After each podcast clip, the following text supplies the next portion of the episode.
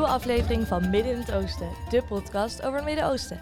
We gaan het vandaag hebben over Libië en ik heb hiervoor zelfs twee gastsprekers uitgenodigd, beide van het ministerie van Buitenlandse Zaken. Namelijk Marloes van Vulpen, landenmedewerker Libië bij de directie Noord-Afrika en Midden-Oosten, en Gabrielle Metz, huidige plaatsvervangend ambassadeur in Tripoli. Superleuk dat jullie uh, hier allebei willen zijn, van harte welkom. Um, voordat we beginnen met het echte werk, zouden jullie zelf even kort willen voorstellen? Ja, zeker. En uh, dankjewel voor de uitnodiging om hier ook te mogen zijn. Mijn naam is Gabrielle. Ik ben uh, 32 jaar. Woon en reis uh, momenteel tussen Den Haag en Tripoli. Werk nu vijf jaar bij Buitenlandse Zaken. En daarvoor heb ik 4,5 jaar bij Binnenlandse Zaken gewerkt. Um, en werk nu op de ambassade in, in Libië. Ja, superleuk dat we hier, hier mogen zijn. Ik ben Marloes, ik ben 29 en ik woon in Utrecht. Ik heb geschiedenis gestudeerd in Groningen en daar heb ik toen ook een aantal vakken gevolgd richting Midden-Oosten studies. En heb ik ook een beetje Arabisch geleerd. Daarna ben ik aan de UvA uh, militaire geschiedenis gaan studeren. En na het afronden van mijn scriptie heb ik toen stage gelopen bij het ministerie van Buitenlandse Zaken. Toen in het Syrië-team, dat was bij, wel bij dezelfde directie waar ik nu ook werk, dus de Noord-Afrika-Midden-Oosten directie, maar een ander land.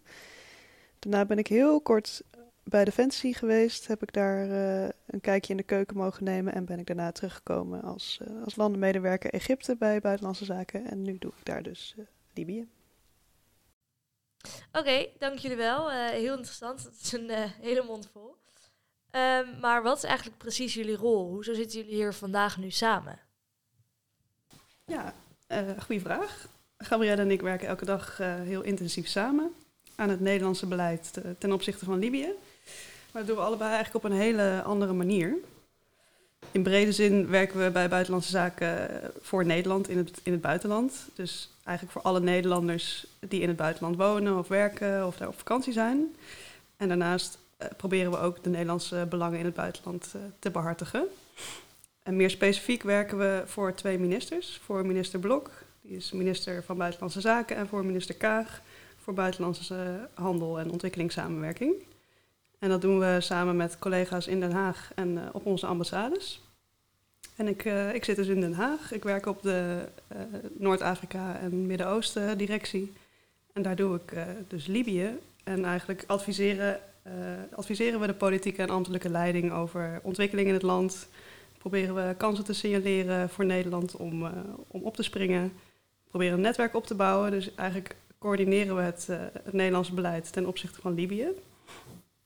En het leuke daaraan is dat het super afwisselend uh, werk is. Op het moment ben je bezig met uh, de beantwoording van Kamervragen. Dus ben je heel erg bezig met de Nederlandse politiek. Dan ben je weer bezig met, met werken in een EU-verband. Dus bijvoorbeeld met het opleggen van sancties aan mensen die het internationaal recht schenden in Libië. Nou, dan hebben we weer een, een, overleg met heel veel collega's over de projecten die we doen in Libië en of we daar nog iets in willen aanpassen. Of we nieuwe projecten willen doen of projecten die we doen uh, niet meer willen doen. En we bereiden natuurlijk ook bezoeken voor van onze ministers. Als hij bijvoorbeeld naar Italië gaat, dan wordt dan ook altijd over Libië gesproken, dus dan uh, geven we hem daar informatie over mee. En als het even kan, gaan we natuurlijk zelf ook wel eens op pad, maar dat is nu met corona allemaal anders, helaas. Ja, we doen het dus niet uh, alleen, dat doen we samen. En uh, Gabrielle heeft daar een hele andere rol.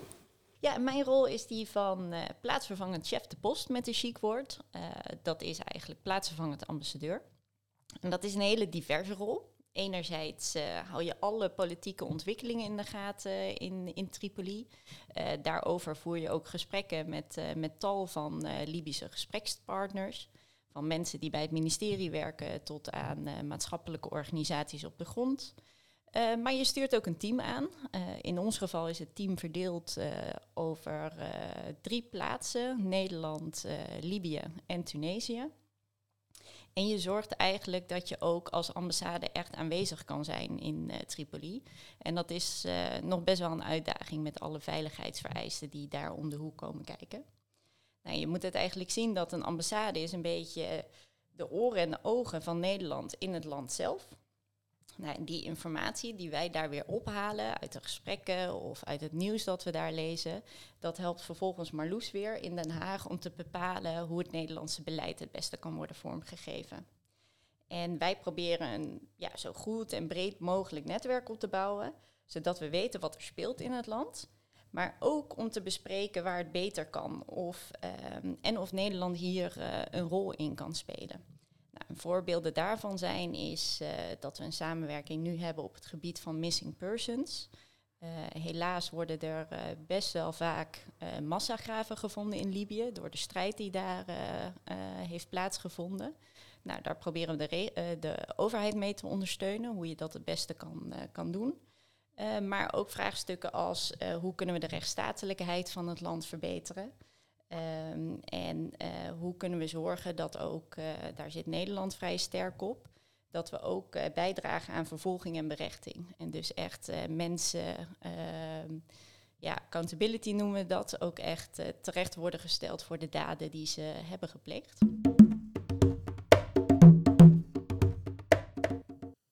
Ja, heel cool. Echt super interessant. Um, en als we even focussen op Libië zelf, dan zien we eigenlijk dat de chaos begon nadat uh, Gaddafi, uh, dat het dus de leider van, van Libië voor uh, ongeveer 40 jaar, in 2011 omver werd geworpen. Um, maar wat gebeurde er toen? Kunnen jullie een beetje de complexe situatie in Libië sinds, sinds dus 2011 samenvatten? Marloes, zou jij misschien hierover kunnen beginnen? Ja, zeker. Misschien kan ik iets vertellen tot aan 2011 en dat Gabrielle dan daarna kan oppakken. Um, ik denk dat het moeilijk is om een hele geschiedenis van een land samen te vatten. Maar ik kan een poging wagen om, om in ieder geval te begrijpen waarom dat in 2011 gebeurde en we nu zijn waar we nu zijn. Uh, ik denk dat een paar dingen belangrijk zijn om te weten. Is dat uh, geschiedenis is natuurlijk heel belangrijk voor, voor een land. Dat maakt een land wat het nu is. Dat is voor Nederland net zo goed als voor Libië. En Libië is uh, nou, door verschillende landen overheerst. Het was ooit onderdeel natuurlijk van het Ottomaanse Rijk, maar het is ook uh, van Italië geweest, van het uh, Verenigd Koninkrijk, Frankrijk, Duitsland. Er zijn verschillende landen betrokken geweest bij, uh, bij het regeren over, over het, wat, het land wat we nu Libië noemen. En dat heeft natuurlijk zijn sporen, sporen nagelaten op verschillende manieren. het is belangrijk ook om te weten dat in Libië het belangrijk is waar je vandaan komt. Uh, dus uit welke stad je komt, uit welke regio, maar ook uit welke familie en bij welke stam je hoort. En dat dat ook vaak bepaalt welke positie je hebt in de maatschappij of in de regering of juist niet. En Gaddafi die maakte heel handig gebruik van, van die verdeel- en heerstactiek. Dus hij, hij had een aantal kleine uh, groep vertrouwelingen aan zich gebonden, belangrijke invloedrijke stammen aan zich gebonden, waardoor hij lange tijd, uh, heel lange tijd heeft kunnen regeren. En in zekere zin uh, was hij goed voor zijn mensen, uh, zeker voor zijn uh, vertrouwelingen, maar hij zorgde ook voor onderwijs, gezondheidszorg, was allemaal gratis. Er was voldoende te eten. Dus wat je nu ook ziet, en dat zie je niet alleen in Libië, maar ook wel bijvoorbeeld in Egypte, is dat mensen soms best wel met weemoed terugkijken naar die tijd, want dat was ja, op een bepaalde manier ook stabiel. Hij was er en, en ja, er was geen grootschalig, grootschalig conflict zoals we dat nu in Libië zien. Um, maar ja, dat kwam natuurlijk ook met een keerzijde. Er was uh, beperkte ruimte voor individuele vrijheden. Er waren schendingen van mensenrechten, geen vrijheid van mening, meningsuiting, geen vrije pers. En daarnaast sloeg uh, Gaddafi ook opstanden met harde hand neer. Dus er was ook geen ruimte om, om tegenspraak uh, te bieden ten, ten opzichte van zijn regime. En ja, dat leidde eigenlijk in 2011 tot een grootschalig uh, conflict. Ja, en dat in 2011, uh, en om specifiek te zijn 17 februari 2011, dat is wel een belangrijke dag. Uh, dat is tegenwoordig ook de, de, nationale dag van de revolutie. toen startte die revolutie echt. Als gevolg van die opstanden werd dat echt grootschalig. Dat startte in Benghazi, in het oosten van het land is dat. Ja, en Gaddafi greep daar heel erg gewelddadig en bloedig uh, op in. Um, en uh, ja, zo heftig dat, uh, dat de NAVO daar, daartoe in opstand is gekomen. En op 20 oktober 2011 kwam Gaddafi ten val en in handen van de oppositie. Nou, en eigenlijk sinds deze dag regeert de chaos en betaalt de Libische bevolking de rekening van de jarenlange verdeel- en heerspolitiek, zoals uh, Marloes net uh, uitlegde. En sinds die val van Gaddafi is Libië dus in een machtsvacuum beland. En is de helaas vaak gewelddadige strijd om de positie en macht van de verschillende groepen losgebroken. Je moet het zo zien dat Libië is een lappendeken van milities, waarbij eigenlijk loyaliteit bepaald wordt door eigen belang en de hoogste bieder. En gezien die geschiedenis van Libië is, is ervaring met uh, ja, politiek en democratische systemen toch wat minimaler. Um, en wordt er ook vandaag de dag nog grotendeels teruggevallen op vertrouwde sociale structuren rond stammen, families en steden en de hieruit voortvloeiende milities.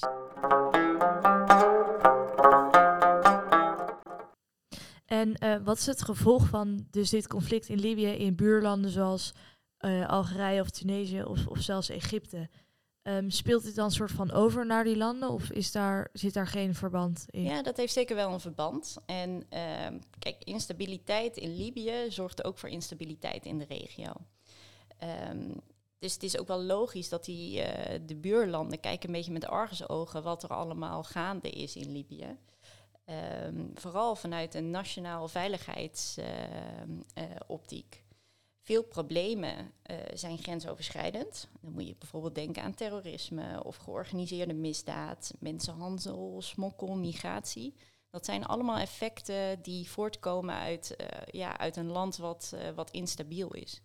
Maar ja, al die problemen um, kennen geen grenzen. Dus dat kan binnen no time ook bij de buurlanden terechtkomen.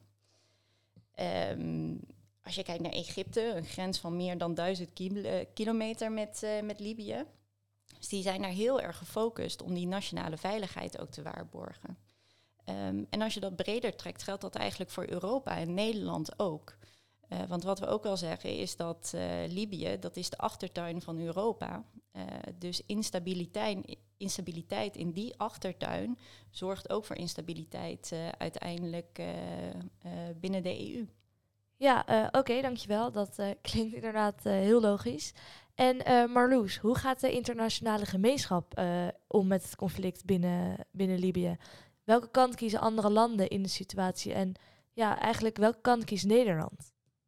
Ja, we hadden het net natuurlijk al over dat er ook in de geschiedenis al veel verschillende landen bij Libië betrokken zijn geweest. En dat is eigenlijk zeker de afgelopen jaren alleen nog maar toegenomen en op een hele andere manier weer. Uh, dat maakt de situatie in Libië er ook zeker niet makkelijker op. En zeker niet als je, als je moet zoeken naar een, uh, een vreedzame politieke oplossing. Ook nog eens als je bedenkt dat, dat al die landen die dan betrokken zijn ook weer een ander idee hebben bij een toekomstig Libië. En hoe dat eruit moet zien en vooral ook de weg daar naartoe.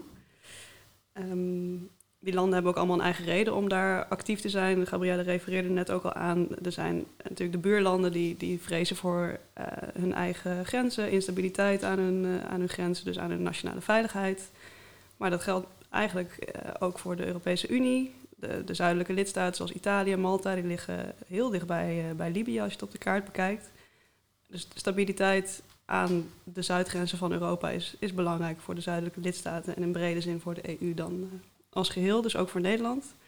Maar landen hebben ook historische belangen of economische belangen, willen in de toekomst een rol spelen in Libië of concurreren met andere landen. Uh, dat andere landen die, uh, die uh, niet krijgen. Voor Nederland geldt in ieder geval dat we de internationaal door de Verenigde Naties erkende regering erkennen als overheid. Dat is de Government of National Accord. Um, we zijn een neutrale partner en stellen in principe het belang van de, van de Libiërs voorop. Zij bepalen hun toekomst en ook hoe die toekomst eruit ziet. En dat is ook waarom we actief uh, in het internationale vredesproces betrokken zijn. Uh, wat hopelijk leidt in de toekomst tot een, tot een politiek akkoord. En misschien nog leuk om te vertellen is dat, dat Nederland wel ook een geschiedenis heeft uh, in Libië, een hele positieve geschiedenis na de Tweede Wereldoorlog uh, eindigde ook de Italiaanse overheersing over Libië destijds. En dan kreeg de Nederlander Adriaan Pelt van de Verenigde Naties de opdracht om, uh, om de drie Libische gebieden die er zijn te verenigen. En dat was een moeilijke, moeilijke taak, want uh, ja, er waren grote verschillen tussen, tussen de verschillende, verschillende gebieden. En het is uiteindelijk Adriaan Pelt gelukt om, om een grondwet op te stellen en, en dat wantrouwen wat weg te nemen tussen die, tussen die drie regio's. En uh, daar kijken veel Libiërs nog steeds heel positief uh, op terug.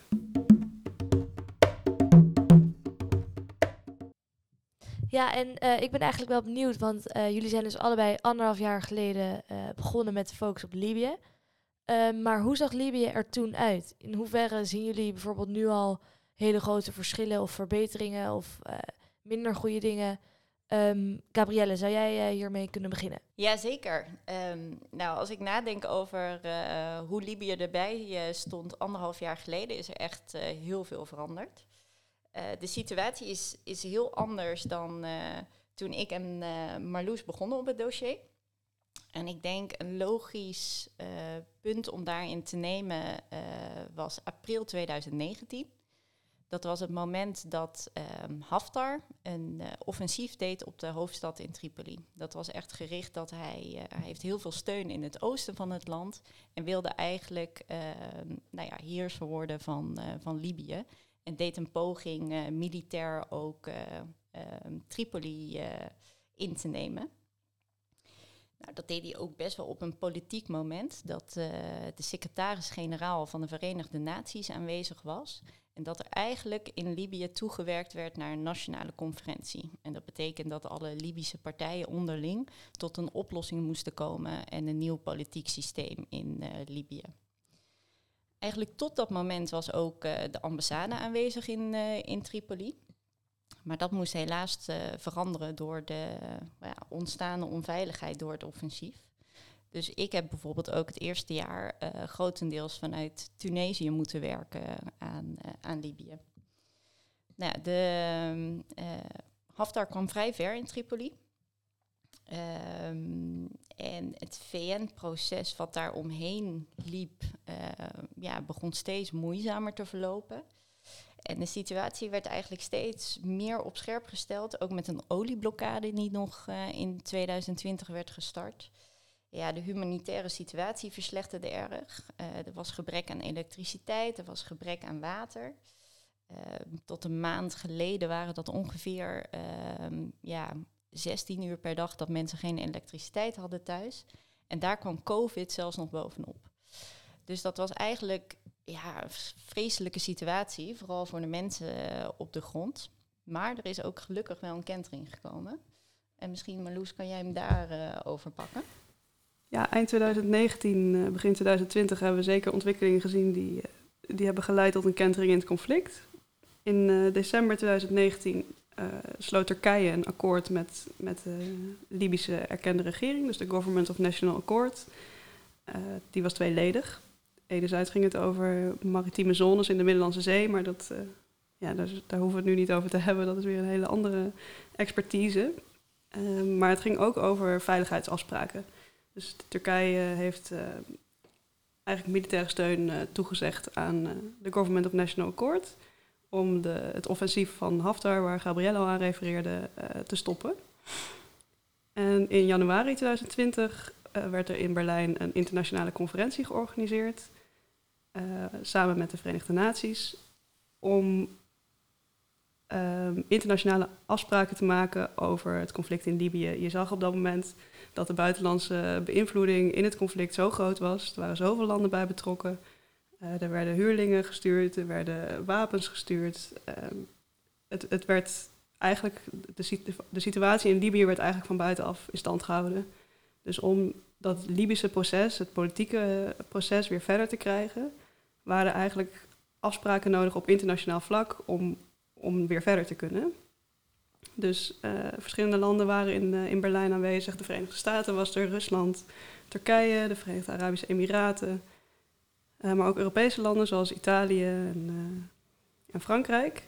En daar zijn verschillende afspraken gemaakt. Dat ging over het politieke proces, maar ook over staakt het vuren, wat er toen nog niet was. Over de economie, maar ook over mensenrechten. En wat je zag is dat dat ja, niet een dag later in, in Libië natuurlijk veranderde, eh, iets veranderde aan de situatie op de grond. Daar was de, situatie nog steeds heel moeizaam. Eh Gabrielle zei net al, de humanitaire situatie was heel, eh, heel nijpend. Geen elektriciteit, water werd zelfs soms ingezet in het conflict om dingen af te dwingen. Veel schendingen van internationaal recht, mensen vochten met elkaar. Maar je zag wel dat het iets begon te, te veranderen op de grond omdat de Government of National Accord steun kreeg van, eh, van Turkije. is het uiteindelijk gelukt om Haftar uit Tripoli te verdrijven. En inmiddels uh, helemaal tot het midden van Libië, nabij de belangrijkste olievelden. En uh, daar zijn we nu nog steeds, als je kijkt naar het conflict op de grond. Maar de dynamiek op het politieke proces is heel erg veranderd. Ja, en eventjes daarop terugkomend, want hoe is de situatie in Libië nu? Uh, recente ontwikkelingen zijn uh, staakt het vuren, dat door de VN een paar weken geleden is uitgeroepen. Maar hoe uit zo'n zoiets zich in het land? Wat, wat gebeurt er dan? Ja, je ziet dat het uh, beter gaat op de grond. Er is relatieve rust, maar het is wel een gespannen situatie. En dat is denk ik de beste samenvatting. De gevechtslinies zijn teruggebracht tot het midden van Libië. En in principe wordt er niet ge gevochten. Nou, dit is inderdaad beklonken met een uh, officieel staakt het vuren. Onder andere door, uh, ja, door begeleiding van de VN. Dus dat is echt wel een heel mooi resultaat wat ze hebben weten te behalen. Maar het spannende wordt nu is of er echt daad bij het woord wordt gevoegd. Uh, in het staakt het vuren zijn afspraken gemaakt, zoals bijvoorbeeld het terugtrekken van troepen of het terugtrekken van huurlingen. En dat moet nu echt daadwerkelijk geïmplementeerd worden. Nou, voordat ze die stap van implementatie zullen maken, wil iedereen eigenlijk een beetje weten hoe ze ervoor komen te staan. Dus we zijn er zeker niet. En die spannende tijden zijn nu wel aangebroken. Uh, er zijn politieke gesprekken. En die gesprekken die gaan keuzes maken over uh, ja, echt de toekomst van Libië. Dus hoe gaat de regering eruit zien? Uh, en vaak belangrijker, wie worden de vertegenwoordigers daarin? Nou, voor volgend jaar december zijn verkiezingen um, uitgeroepen. Maar om daar te komen zullen echt nog wel uh, meer duidelijkheid moeten komen. Dus ook, ja, ook om meer structurele vraagstukken, zoals hoe, uh, hoe wordt corruptie in Libië aangepakt. Nou, iedereen zal, alle Libiërs, gezien ja, die opbouw van de geschiedenis ook die we kennen, dus de, die erfenis van die uh, heers- en verdeelmethode, ehm, zal gewoon heel gespannen kijken hoe dat eruit komt te zien. En dan kan het ook gebeuren dat als men vindt dat ze onvoldoende piece of the pie krijgen, uh, dat ze alsnog gaan tegenwerken in dat politieke proces. Ja, oké, dat klinkt als een spannende aankomende periode voor Libië.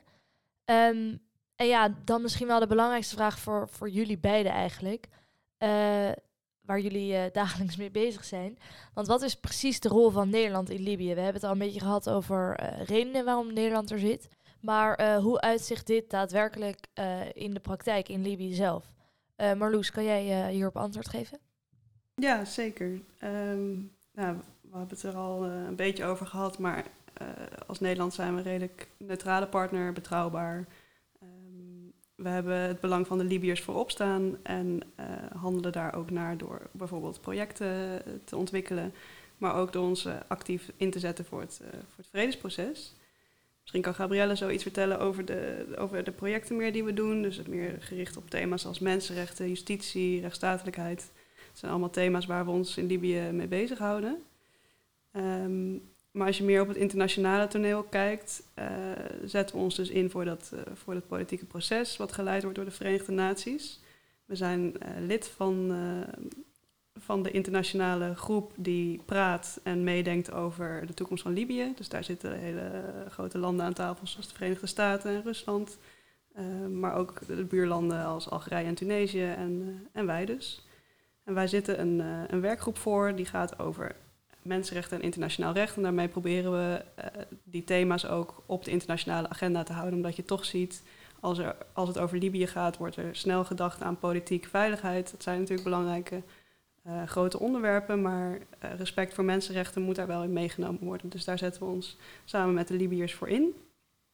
Maar we hadden het net ook al heel even over het EU-aspect dat is ook een heel groot aspect voor ons. Uh, we zijn lid van de Europese Unie, dus we zetten ons ook als EU in, in het geheel in in Libië. De EU is ook actief in Libië um, en we proberen dat uh, nou, in Brussel vorm te geven met onze collega's daar. En uh, ik refereerde er net ook al even aan, maar dat uitzicht bijvoorbeeld in het sanctioneren van mensenrechten schenders door de EU. eh, waardoor ze dus niet meer naar Europees grondgebied kunnen reizen.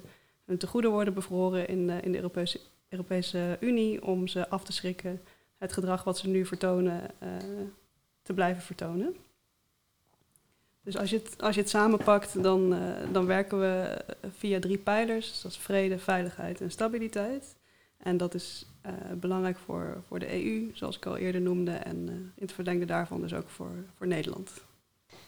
Ja, en onder die, die paraplu van vrede, veiligheid en stabiliteit hebben we eigenlijk verschillende activiteiten die we ook ondernemen uh, als Nederland in Libië met de Libiërs samen. En dat is best wel divers. voorbeelden daarvan zijn bijvoorbeeld terrorisme. Dat komt ook voor in Libië. en Nederland heeft daar best wel veel expertise te bieden. Als je kijkt naar de fragiliteit nu in het land, ehm, zetten wij bijvoorbeeld heel erg in op ehm, preventief uh, voorkomen van radicalisering. Dat is echt wel iets wat, uh, wat nu kan gebeuren met uh, ja, soms toch de uitzichtloze toekomst van, van jongeren, bijvoorbeeld in Libië. Um, in het kader van stabiliteit dragen we ook bij aan rechtsstaatontwikkelingen. We hebben vrij recent geleden nog een training gedaan voor, voor toekomstige rechters in Libië.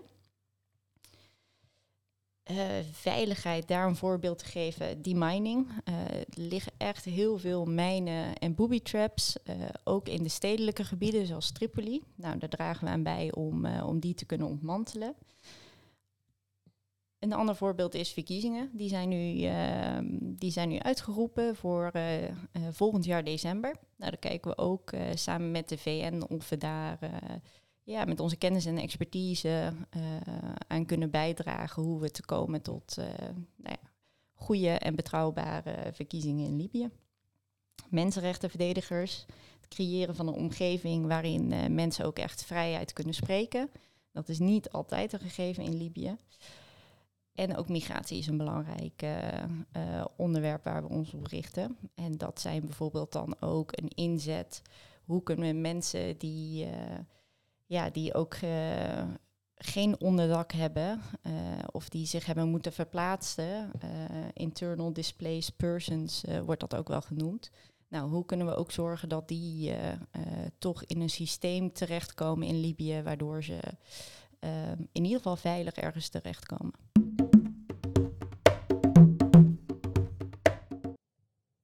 Ja, en Gabrielle, jij reist natuurlijk voortdurend naar Tripoli heen en weer. Uh, maar ik ben eigenlijk wel benieuwd hoe de situatie, hoe de algemene situatie daar is om, ja, om, om daar te leven. Is het gevaarlijk op straat? Hoe is het bijvoorbeeld voor kinderen om daar te leven? En zou jij bijvoorbeeld in je eentje over straat mogen? Um, ja, het is echt een stuk rustiger in Libië, maar de problemen zijn niet opgelost. En wat ik net al zei, het is, het is stabiel, maar uh, wel heel fragiel. Uh, de spanningen zijn groot en kunnen echt wel toenemen. Zeker in aanloop naar die politieke gesprekken. En er zijn hele serieuze structurele problemen, zoals die corruptie die ik eerder al noemde, die echt moeten worden opgelost, wil er echte stabiliteit op, uh, ja, op de grond bereikt worden. Er zijn veel gewapende milities die vooral eigen belang voorop stellen en ook met elkaar in conflict kunnen liggen. Uh, dan kan er ook geweld ontstaan. En dat is iets wat je nog wel steeds uh, dagelijks uh, ook ziet. Er vinden onterechte arrestaties plaats. Um, vrij recent is er ook weer, heeft er een moord plaatsgevonden op een vrouwelijke activiste. Dus het is niet heel veilig. Um, vrouwen hebben echt aanzienlijk minder goede positie in het politieke proces wordt hier ook heel erg op, uh, op gericht door de VN. Dat, uh, dat ook voldoende vrouwen uh, moeten kunnen door, ehm, deelnemen aan de politieke gesprekken. En dat is ook wel echt nodig, want als we die aandacht niet vragen, dan, dan wordt dat ook niet meegenomen. En ik denk wel wat je heel duidelijk ziet, is dat vrouwen en kinderen zijn gewoon kwetsbare groepen. Uh, en bijvoorbeeld zeker onder migratie uh, of onder de migranten zijn dat wel de doelgroepen die, uh, die het heel hard te voortduren hebben. En de toekomst van kinderen, ehm, ja, dan kom je eigenlijk terug op, op de algemene noodzaak van stabiliteit. Want als die er niet is, dan is een toekomst voor, voor de jeugd ehm, ja, niet heel positief. Ik mag niet in mijn eentje over straat. Ehm, dus als, eh, als ik naar een afspraak ga, dan word ik ook altijd eh, beveiligd door, eh, door, door de BSB. Dat is een onderdeel van het ministerie van Defensie. En ehm, die, die begeleiden mij naar afspraken ehm, en zorgen ook dat, ja, dat, dat mijn aanwezigheid zo beschermd is dat, dat ik daar ook kan zijn.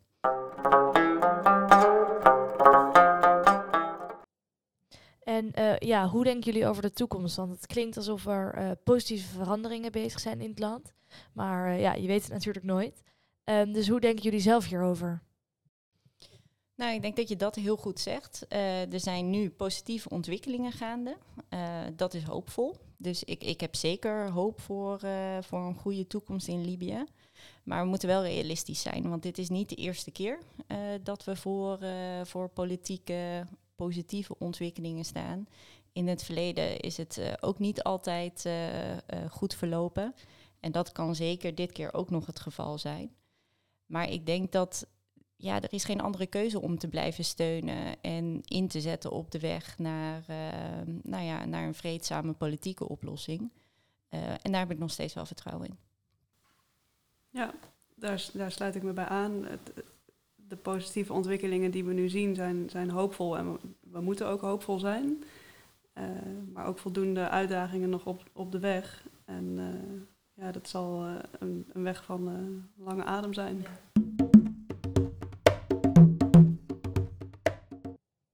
En ja, mijn laatste vraag is eigenlijk: hebben jullie nog tips voor luisteraars die meer over jullie werk of over Libië in het algemeen willen, willen weten?